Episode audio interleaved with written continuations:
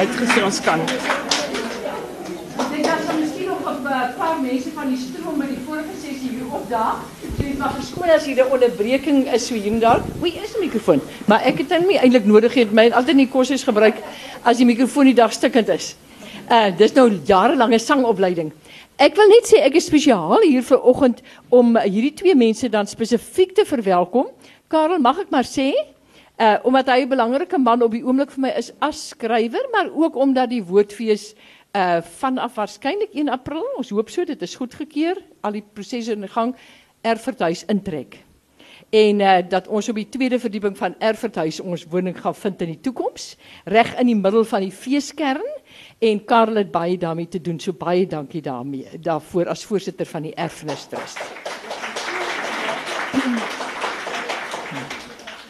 So as skrywer belangrik en dan ook vir die ander rol wat hy speel in die gemeenskap, 'n baie groot rol wat 'n uh, mens nie altyd voor vergoeding kry nie, maar wat uh, ons so dankbaar is dat mense dit doen vir Stellenbosch en vir die res van die ge, uh, gemeenskap, die breëre uh, gemeenskap ook in in in Suid-Afrika. Dieselfde eintlik vir Martie, ook na aan my hart om daardie rede geweldig aktief in die uh, kunskulture erfeniskomitee uh, waarby ek ook betrokke is en nou weer die wonderlike gespreksreeks die diskurs uh, wat ek hoor wat ook opslaa maak mense praat oor Marikana jy hoor dit uh, byvoorbeeld wat gister gister aan die aan die beurt was nee. en ja En uh die hele week is die diskursreeks aan die gang, die verskillende onderwerpe, dit is regtig die moeite werd om daarna ook te gaan luister. Soos uh baie van die dinge by die woordfees natuurlik uiteraard. Dit kompeteer maar baie dankie daarvoor vir daardie moeite en ek laat dit nou in die bekwame hande van hierdie twee goeie sprekers. Dankie. Baie dankie. Uh goeienaand. Uh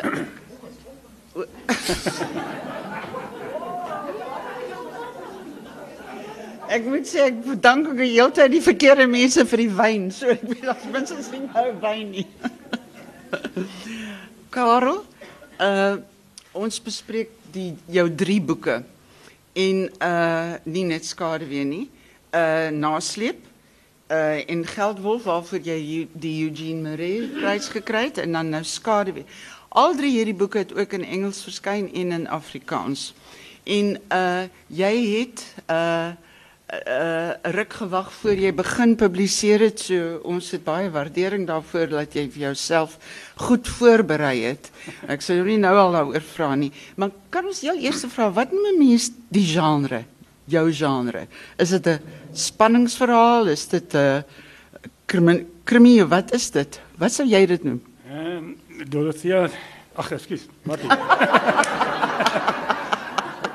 Ek lyk my ek nie so die mekaar.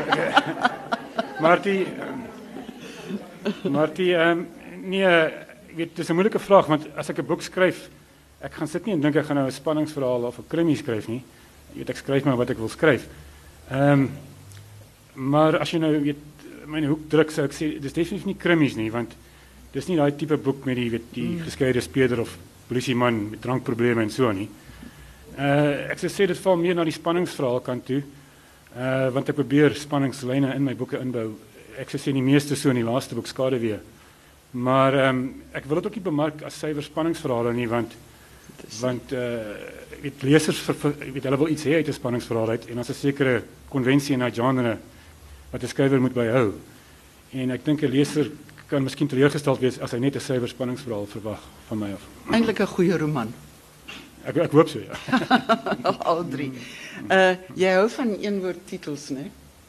Ja, ja, dit ek seker moet lei om aan langer titels te dink. Ehm um, Ek het op 'n beer met langer titels werk. Jy weet ek het al uh, gedink en gespeel daarmee, maar ek vind altyd dit ek voel my altyd of ek net te slim probeer wees met 'n titel of of uh jy weet te pretensieus. En ehm um, die een woord titels werk vir my. In my eerste en derde boek het die titels my gewerk op verskeie vlakke ook en ek hoop vir lesers ook weet mm. skade weer en nasleep. Ehm um, en terwyl in Geldwolf is dit nou 'n letterlike titel want die want die hoofkarakter is 'n is 'n geldwolf. Mm. Maar ek hoop lesers besef ook daar dat jy weet hy's nie al geldwolf nie. Mm. In die boek is hy 'n hele trop geldwolwe wat soet van in die nuwe Suid-Afrika jag. Ja, dit is wat jou boeke so baie interessant maak. Jy is asof jy die tydsgees vasvang. En uh die drie boeke wat jy doen het, jy het 'n soort van 'n interteks ook wat jy hier en daar gebruik. Uh die karakter, jy moet nou vir ons vertel van jou karakters. Uh hoe hulle weer figureer op 'n 'n 'n later stadium. Ek wil ook nou net want ons wil vir jou nou hier in die uh regtig laat jy vir ons nou indringend vertel. Die die aspekte wat jy eintlik aanspreek in jou die drie boeke die dit is die tydsgees. Jy gaan van die WVK af tot tot nou toe. Ons gaan deur so 'n uh, Brett Kebble syndroom ook. Nou wil jy nie vir ons neem hoe die drie boeke op mekaar uh volg hoe jy eintlik hierdie tyd vasvang in die in die drie uh uh romans.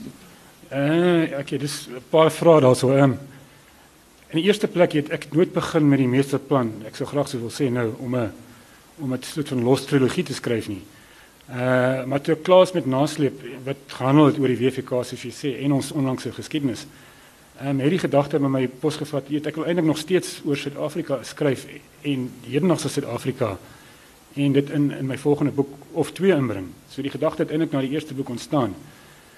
Ehm um, en 'n bietjie oor die boeke te praat, weet nasleep is geïnspireer deur die WVK en en en iemand wat ek ontmoet het.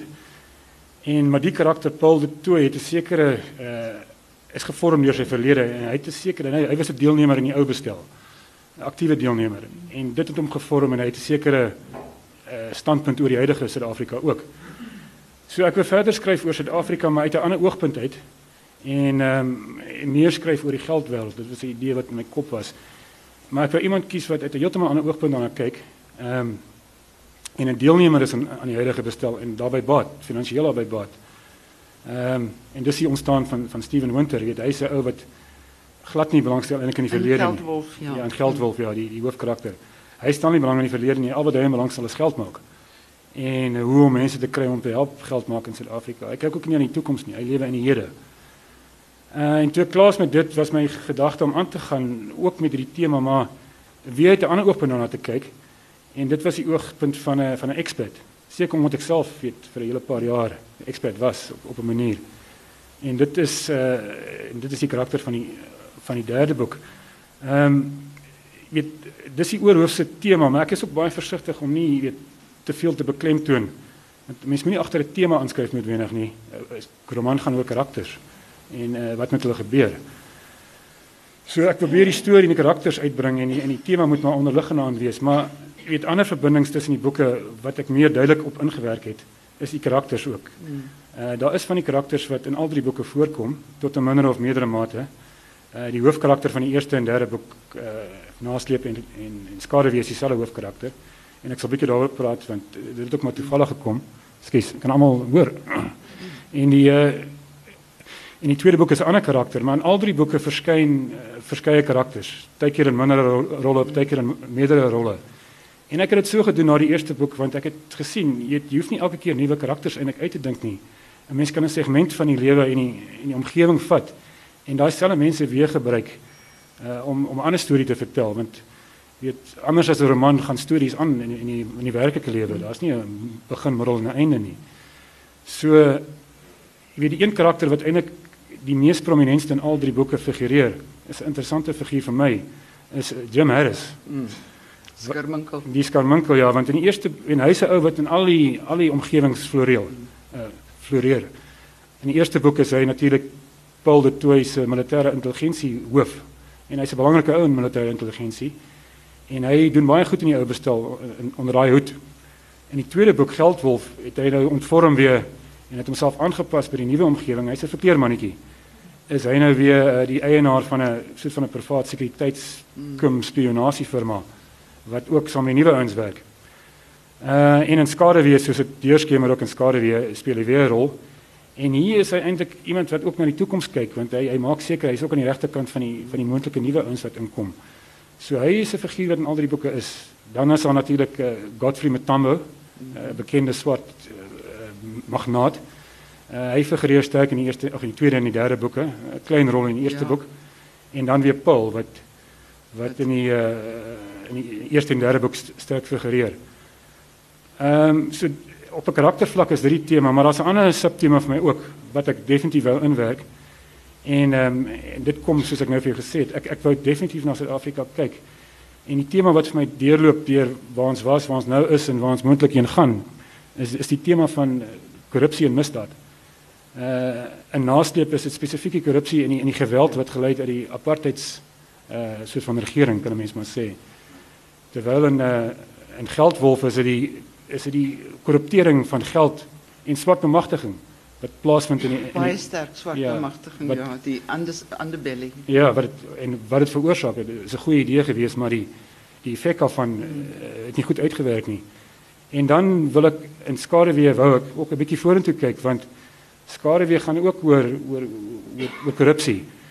Uh, en die korruptering van van ons van ons uh, politieke bestel en ook ons regstelsel moontlik sê ek uh, deur die nuwe ekonomiese koloniseerders wat nou in Afrika bes- besig is Ja, om in te kom. sterk. En ons sien al die eerste tekens daarvan in Suid-Afrika hoe hulle hoe hulle handspeel en, en wat hier aangaan.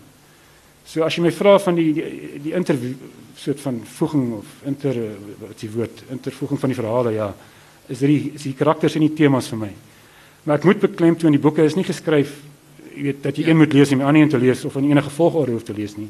Dit handel met verskillende goed en is alleenstaande boeke. Ek dink tog 'n mens sal dit uiteindelik ook engagé uh roman noem. Uh omdat jy die tydsgees en presies soos jy nou die die politieke verloop, maar baie sterk wat wat vir my nou besonder beïndrukkend in al drie boeke is dat jy 'n baie baie sterk ehm um, maar heel eers wil ek net sê, jy weet uh, as 'n joernalis wat ook na tydens die WVK kon glo wat ek uh, gehoor het in koerante en in Max de Pre wat nou 'n kollega van my was om hierdie boek te lees.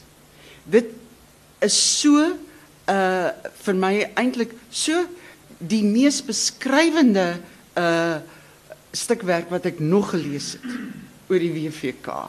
Want hier het jy nou die persoon, die karakter Paul wat nou self moet verskyn.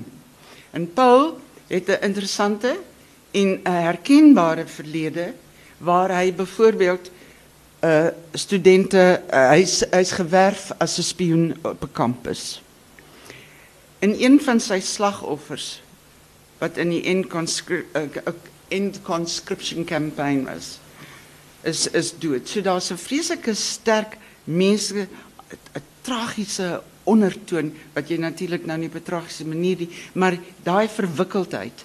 En ek dink dit in 'n sekere sin maak dit hierdie boek nogal baie belangrik vanuit 'n historiese uh uh, uh kant gesien. Juis omdat jou hantering van die WVK is so getrou soos daai ou wat jy ontmoet het wat in die WVK was het vir jou 'n baie baie goeie uh verslag gegee. Paul wat 'n soort van 'n ongevormde karakter is, kry weer later. Nou, dis vir my interessant dat jy jy kyk na man-vrou verhoudings midlife crisis. Dis my interessant dat jy nogal die midlife crisis so raak gekry het. en uh die jou hoe jy uh die Steven Winter. Dis 'n verhaal wat jou ruk, maar dis 'n herkenbare Suid-Afrikaanse verhaal. Dit kan so herkenbaar wees. Jy het soos jy self vertel ook uh Brett was die in 'n sekere sin was hy ook die grondslag geweest, maar die karakter van Steven Winter was vir my nou so. Vertel my 'n bietjie hierdie uh terloops, ons is baie meer demokraties as wat hulle agter in die tent is. As daar iemand is wat tussenin 'n uh, 'n uh, vraag wil vra, steek net die hand op. Uh ons sal julle sien. Dit maak nie saak uh dat julle uh, ons gaan onderbreek nie. Daar sal natuurlik geleentheid ook wees, maar intussen as daar iemand is wat 'n vraag wil vra, steek net die hand op. Ons sal ons sal dit hanteer, né? Vertel ons 'n bietjie oor hierdie menslikheid. Ja man-vrou verhoudings. Kom ons begin. daar. Okay, daar's 'n paar vrae daar gewees. Wat ek die man-vrou verhoudings, ja, ek Jy moet moet nou dit goed onthou. ek moet nou uh, versigtig wees. My vrou sit hier nie gehoor. Ja. So uh, ek sal nou mooi moet trap.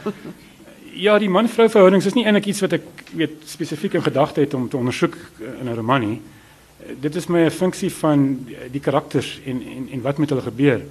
En dis my manier ook hoe om sekere temas in die in die boeke te illustreer, hoe hulle met hulle verhoudings omgaan en dan ook in hulle man-vrou verhoudings. Want weet 'n roman gaan oor karakters en karakters het verhoudings. Uh ek weet as miskien moet ek weet na al drie boeke kyk. Die Ja. die die eerste boek nasleep is Paul met sy skoolliefde getroud, Louise. En hulle het oënskynlik 'n gelukkige voorstedelike huwelik. Ehm um, maar ek wil 'n ander tema ook hier illustreer wat in die boek is en dit is hoe glibberig die waarheid is. Jy weet in die groter prentjie en ook in 'n huwelik. Want in die groter prentjie weet Paul moet vir die WVK verskyn vir sy rol in 'n insident toe hy uh, student was. Maar hy vertel net een weergawe van die waarheid vir die WVK. Hy weerhou eintlik die persoonlike motief wat hy gehad het in daai hele ding. Maar wat hy ook nie weet nie is dat Jim Harris, wat ons nou oor gepraat het, ook nie vir hom die volle storie vertel het nie. Jy weet, hy het ook nie geweet eintlik Smoke and mirrors, nee. Ja. Jy weet dit was 'n need to know basis en eers aan die einde van die roman vind hy dit uit tot sy ontnigtering. Dit hy is ook maar eintlik gebruik. Maar toe wil ek dit afbring na sy verhouding met sy vrou toe want weet hy het nie vir haar vertel dat hy direk betrokke was met die dood van 'n skoolvriend van hulle nie wat jy nou genoem het wat in die ECC was nie. En 'n uh, gemeenskaplike vriend van hulle en toe hy nou bieg vir die WVK en sy hom los net daarna dink hy dis omdat omdat sy dit nou gehoor het.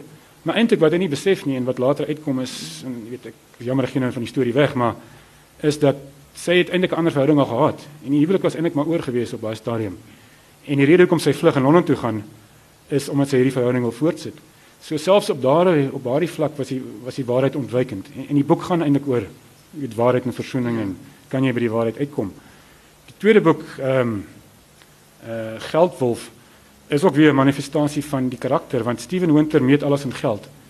Uh hy bestaan eintlik net om nog geld te maak. Uh, maak nie saak hoeveel hy het nie. En hy meet ook alles in geld. Jy weet hy sê ook in 'n plek in die boek almal het 'n prys. Jy weet uh, mense ook. Uh, alles en almal het 'n prys. En dis sê hy ook sy verhoudings benader en mense benader. Sy eerste vrou uh is sy baas se dogter. En hy trou eintlik met haar om sy loopbaan te bevorder. En daar's nie net liefde betrokke nie. En toe hy die dag nou genoeg geld het, toe besluit hy nou is nou tyd om in te ruil vir 'n jonger en 'n en 'n mooier varser vrou. En hy gebruik sy geld om dit reg te kry. So weet dit Maar hy sien naam sy dinge is ook, so dit is ja, goed, ja, wel, ek ek sê. Se.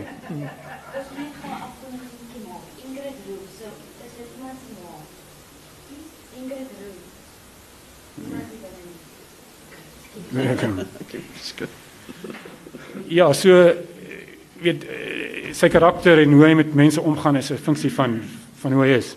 Want ek dat ons net gou by Steven W- Winter hy is eintlik Steven Winterbach. Ja, hy het homself en verander. en dit is ook 'n Suid-Afrikaanse storie van 'n ja, vertel 'n bietjie hoe hy ja. waar hy begin het. Ja, Steven Winterbach kom uit 'n paar plekke. Die ek sou sê die ek het nasleep plaag gemaak hier in 2007 net na ons na Suid-Afrika toe teruggekom het. En toe wou ek 'n boek oor die geldwêreld skryf en 'n blik op hedendaagse Suid-Afrika gee omdat ek self in die geldwêreld betrokke was en nog, en nog steeds 'n bietjie is. En ek het baie ouens ontmoet wat my laat weet dink het ek het 'n karakter hierso, baie ryk sakemanne Mm. en ehm um, gaan nie hulle name noem nie want hulle almal lewe nog. Dalk hier vandag. Uh, ek sien hom nie nee. Maar uh maar ek het nie eintlik iemand in, in gedagte gehad, jy weet een persoon nie. Tot net na ons teruggekom het of net voor ons teruggekom het is uh is Brikkebel vermoor. En ek het Brikkebel al ontmoet in my lewe een of twee keer, maar vlugtig, jy weet ek het nie goed geken nie. En dit het my onmiddellik opgeval, weet hoe interessante karakter hy is en hoe fascinerende karakter hy was. En hoe larger than life hy was, weet as mens as ek nou terugdink sy begrafnis hier in 2006 dink ek of einde 2005 hier by St George's Kathedraal in die Kaap. Wie almal daar was en hoe dit afgeloop het. Dit was amper soos 'n staatsbegrafnis. Jy weet hy's daar ingedra in 'n kus met die landsvlag oor. Uh, daar was 'n ANC erewag en kakie klere aangetrek nogal. Ehm um, daar sy die draers van sy kus was, was van die hoofleiers van die ANC jeugliga.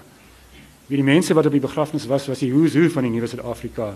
Jy weet mense soos Brigitte Radebe wat gisterand Ja. hier gesit het. Uh Mo Sheikh, ehm um, Ibrahim Rasool, Esophat, jy weet minister in die presidentskap, Tokyo Sekwale, ehm um, Tony Ngeni, en 'n geklomp ander wat se name ek nie nou kan onthou nie. So dit was 'n groot begrafnis, weet, en almal was daar en op die begrafnisrede het Esophat gesê he was a dedicated South African. Jy weet en, en toe was hy goed al bekend van hom en dit het my geslaan hoe hoe goeie karakter hy was want hy was so manifesterend van hoe besigheid misdaad en politiek in die nuwe Suid-Afrika in mekaar geweef geraak het. So ek toe het ek besluit nee, dit is definitief ek kan werk met hom, maar natuurlik is dit nie Brett Kebel die boek nie. Ek weet ek skrywer. Steven Steven is ook 'n kunsversamelaar. Daar het jy dan. Ja, nee, en en en ek moet sê die eerste hoofstuk van Geldwolf waar waar Steven 'n fortuinverteller gaan Ja. raadpleeg om 'n besigheidsbesluit te neem. Weet dit klink miskien jy weet ongelooflik vir die vir mense nie gehoor, maar dat so hardgebakte besigheid man so bygelowig kan wees. Maar toe ek begin ondersoek instel, het ek agtergekom dis glad nie so ongewoon nie. Jy weet dat hierdie sakemanne, daar's ouens wat dit doen. So jy weet dit is Steven Winter en ek en toe die karakter nou verder ontwikkel. Toe het ek nou Brett agtergelos. Maar soos Brett kom Steven ook uit 'n uit 'n arm agtergrond uit. Hy skroom ook nie om geld te gebruik en omkoopgeld te betaal om, om vorentoe te gaan nie. En uh, ja, hy's ook 'n tragiese figuur op, op die ou end. Uh, jy weet die boek is eintlik 'n 'n tragiese Ja. verhaal. En daarin kom ook die midlife crisis ook, nee, dit waar uh met veral met sy tweede Ja, jong met- vrou. Ja. Ja, as as ons na die volgende vraag toe kan gaan, weet die krisisse uh die man-vrou verhouding, ek ek spring nou 'n bietjie rond, maar die die man-vrou verhouding in die derde boek wil ek net vinnig op raak want dit is heeltemal anderste. Mm. Weet Paul daar is dit 'n funksie van Paul se hoe hy is. Hy bly in Engeland, hy is ontheem van sy land, vervreemd. Maar ook nie net van die land nie, van homself ook. Hy is nie eintlik tuis in sy eie lewe nie. Ja. En sy verhouding en hy is in 'n verhouding al 10 jaar lank en hy is met hierdie meisie betrokke, maar hy is nog nie eintlik oor sy eksvrou nie. En sonder dat hy dit weet, is hy in hierdie twee stryd gewikkel, weet en hy benader sy verhouding ook so, hy wil nie besluite neem nie. Hy wil net 'n lewe lei wat hy, hy nie aandag trek nie, na al die aandag wat hy getrek het. En uh jy weet die boek in die boek moet hy deur hierdie twee stryd werk om te besluit waar hy uitkom. Maar om terug te kom by die krisis, die midlife.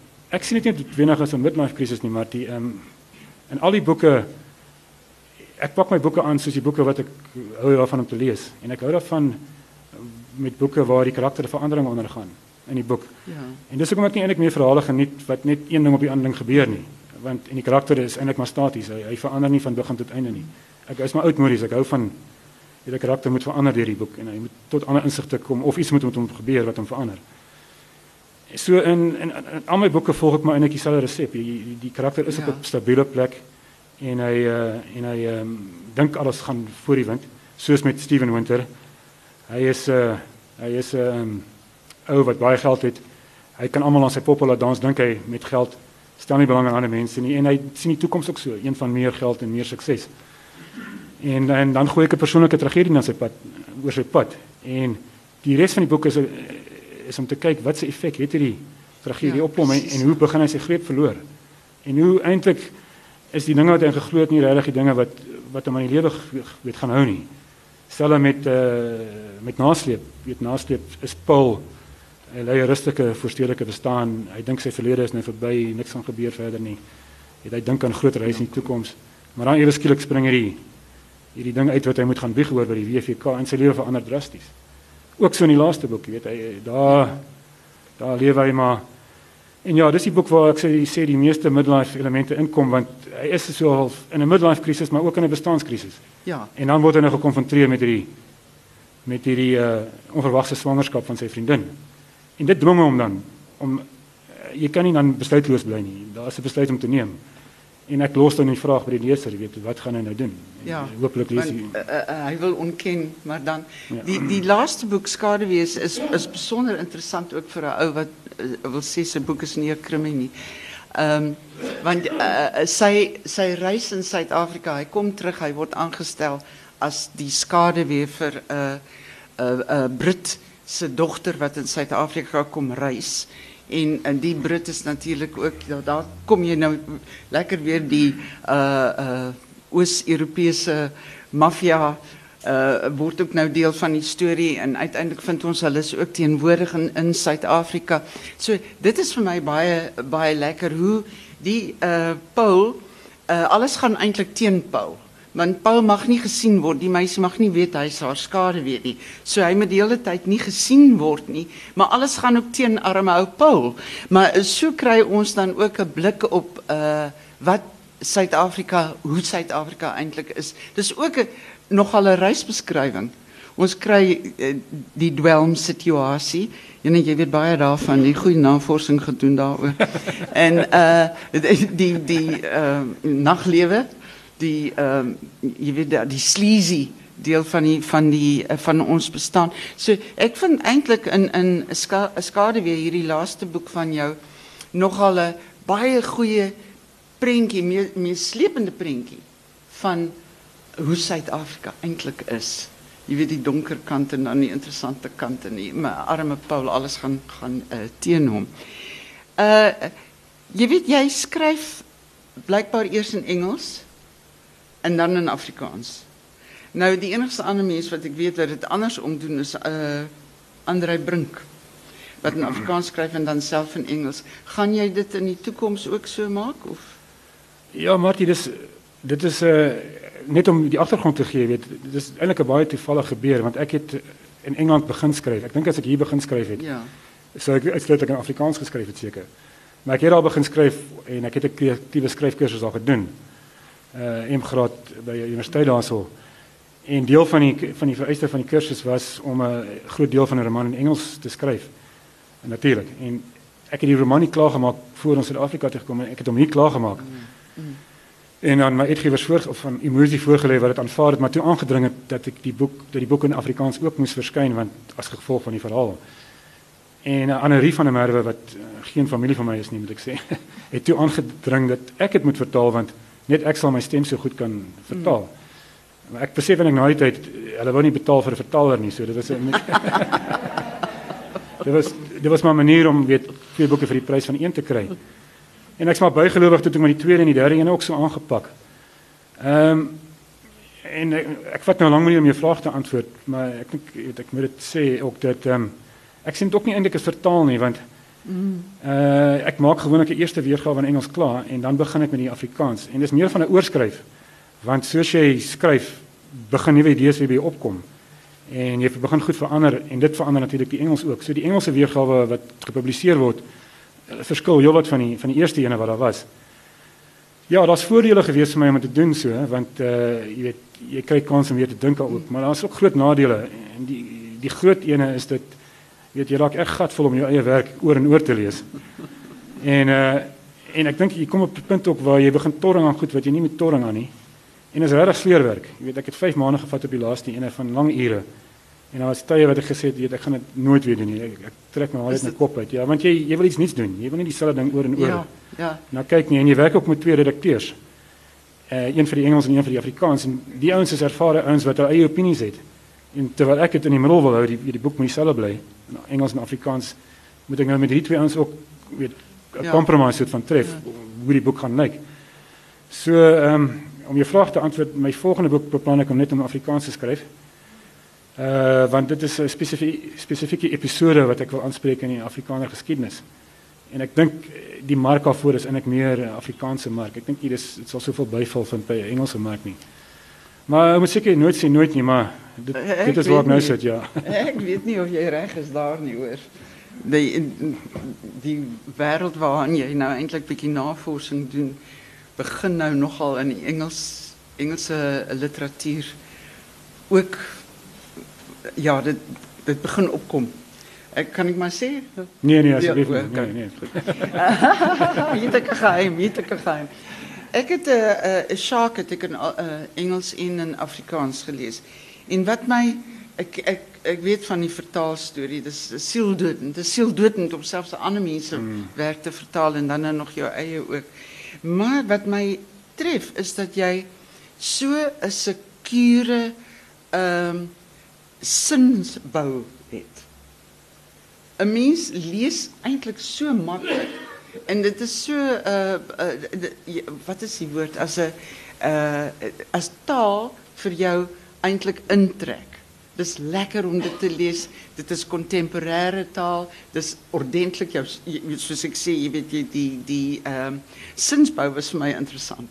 Jij gaat niet in lang, lang, lang, lang. Je weet, kom maar, kom maar. Je weet, zoals wij van ons schrijvers deesdae kan half niet bij die punt komen. Nie. Is daar dalk iemand wat 'n uh, 'n uh, 'n vraag wil vra oor enige van die boeke of oor uh Jan mag nou net nie oor die toekoms praat nie, maar dit gaan baie interessant wees. waarmee hy nou besig is. Ehm um, ja, eh, ons sal vir jou toelaat om 'n vraag te vra. Baie dankie. Uh, ek wil graag weet is bou nou geskiedenis of gaan bou aanhou spoor? Ek wonder, man, want Paul moet nog 'n pa word. Paul moet terug gaan Engeland toe. Hy moet gaan instaan vir sy vaderskap. Ja, nog iets maar is bou is jy uitgeskryf? Ja, op hierdie oomblik is ek. Ek is nou regtig bietjie moeg vir vir die klomp. Ek voel ek het hulle nou hulle kan nou maar aangaan met hulle eie lewens sonder my uh, sonder my saam. moet nog gebore word weer. So my volgende boek definitief nie. Eh, Dis heeltemal ander karakters, maar uh ja, moet seker nooit sê nooit nie. Ek het gedog ek is klaar met Paul ook en toe kom spooke weer by my. So Eh, misschien, ja. Eh, misschien, ja. Maar niet nou niet. Ja, kijk, Paul eh, gaan een bejaarde pa wees voor de staat. en hij... Je weet, in Engeland is baby's op je omdat groot niet, So je kan maar denken daarin. Uh, hierdie... Um, wat is het in Zuid-Afrika wat voor jou eindelijk uh, als uh, auteur um, ehm, voor jou nou vastvat? Uh ja, dis ja, ek weet ehm um, weet ek It ain't boring. Ja, kyk Suid-Afrika, jy- as jy nie kan skryf in Suid-Afrika nie of goed kan kry om oor te skryf nie, gaan jy sukkel op 'n ander Ja. plek. Ja. Uh want dis 'n ongelooflike land, jy weet uh, op so baie maniere, jy weet as ek net skade weer vat en hoe skade weer ontstaan het in my eie kop. Uh ek het lank in Engeland gewoon en ons is weg in in 2000. Ehm um, en toe ons weg is en toe ons terugkom, daar 6 jaar verloop. En toe ek terugkom het ek besef, weet ek dink ou kom dit nie agter as jy hier bly nie, maar toe ons terugkom en ek's nou weer hier vir permanent. Het ek gesien hoe baie dinge eintlik verander het, maar nie die mense of of goed wat gebeur alledaagse goed, die landskappe nie, maar die mense se opinies en die mense se uitkyk oor die toekoms en so aan. Weet ek was in 'n jaar 'n paar keer hier op vakansie, maar dit was vinnige vakansies by die kus. Maar toe ons in 2000 weg is, net om 'n klein voorbeeld te gee. Toe was Suid-Afrika nog, weet Mbeki het sopas oorgeneem by Mandela. En uh, daar was nog 'n idee van die reënboognasie. En um, en ons het almal gedink Mbeki gaan die Mandela era eintlik maar voortsit. Dit dinge gaan maar so aangaan. En die gevoel was dat Suid-Afrika gaan die tipiese Afrika post-bevrydings Afrika siklus misloop. Ons ons is anderste. Maar toe ek terugkom in 2006 was die gesprekke en opinies heeltemal anderste. Ja, jy, daar was nie meer daai optimistiese gevoel nie. Daar was en nou nog, daar was 'n groter en meer so. Daar was 'n groter pessimisme in die lug. En ehm um, sien jy weet ons was sinies ook meer geweest en daar was ook nie meer die idee van die reënboognasie nie. Dit was nou swart nasionalisme. Dit het nou baie sterker na vore gekom. En ehm um, en wat my ook opgeval het is hoe belangrik geld geword het skielik. Dit was altyd maar meer so geld in die najag van geld.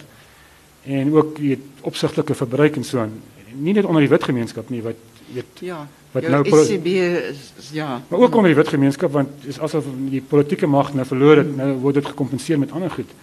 Maar ook in die agtergeblewe gemeenskappe was dit die ouens wat nou lank nie hulle hande op die lekker goed van die lewe gehad het nie, wou nou met alle mag ook opvang en het hulle politieke invloed begin gebruik om dit reg te kry, wat natuurlik tot groot korrupsie uh, begin lei het.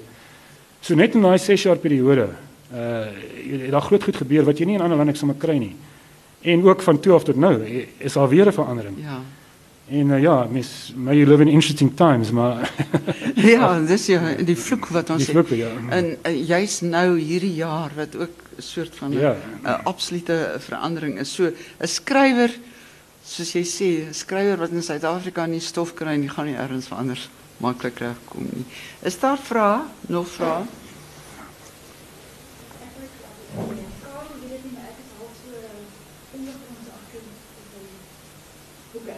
Oeh, je. Dank Daar hoort familie. Nee, maar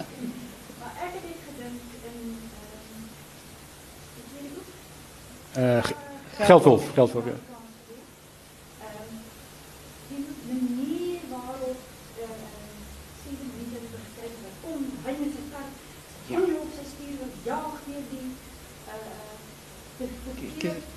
Skel die mense wat nie vinnig genoeg kan ry nie en dan later wanneer dit begin sleg gaan maak hulle inbreuk. Dis 'n handelewe. Ek het regtig gedink ek Ja. dit was so 'n amptelike en so kritische tragedie. hierdie boek vir my. Dit is 'n goeie beskrywing want Steven ja, ja, daai beskrywing ook toe hy hierdie slonsige ou fortuinverteller gaan gaan besoek nê. Nee. Hy nou soos uh dis grys op pad.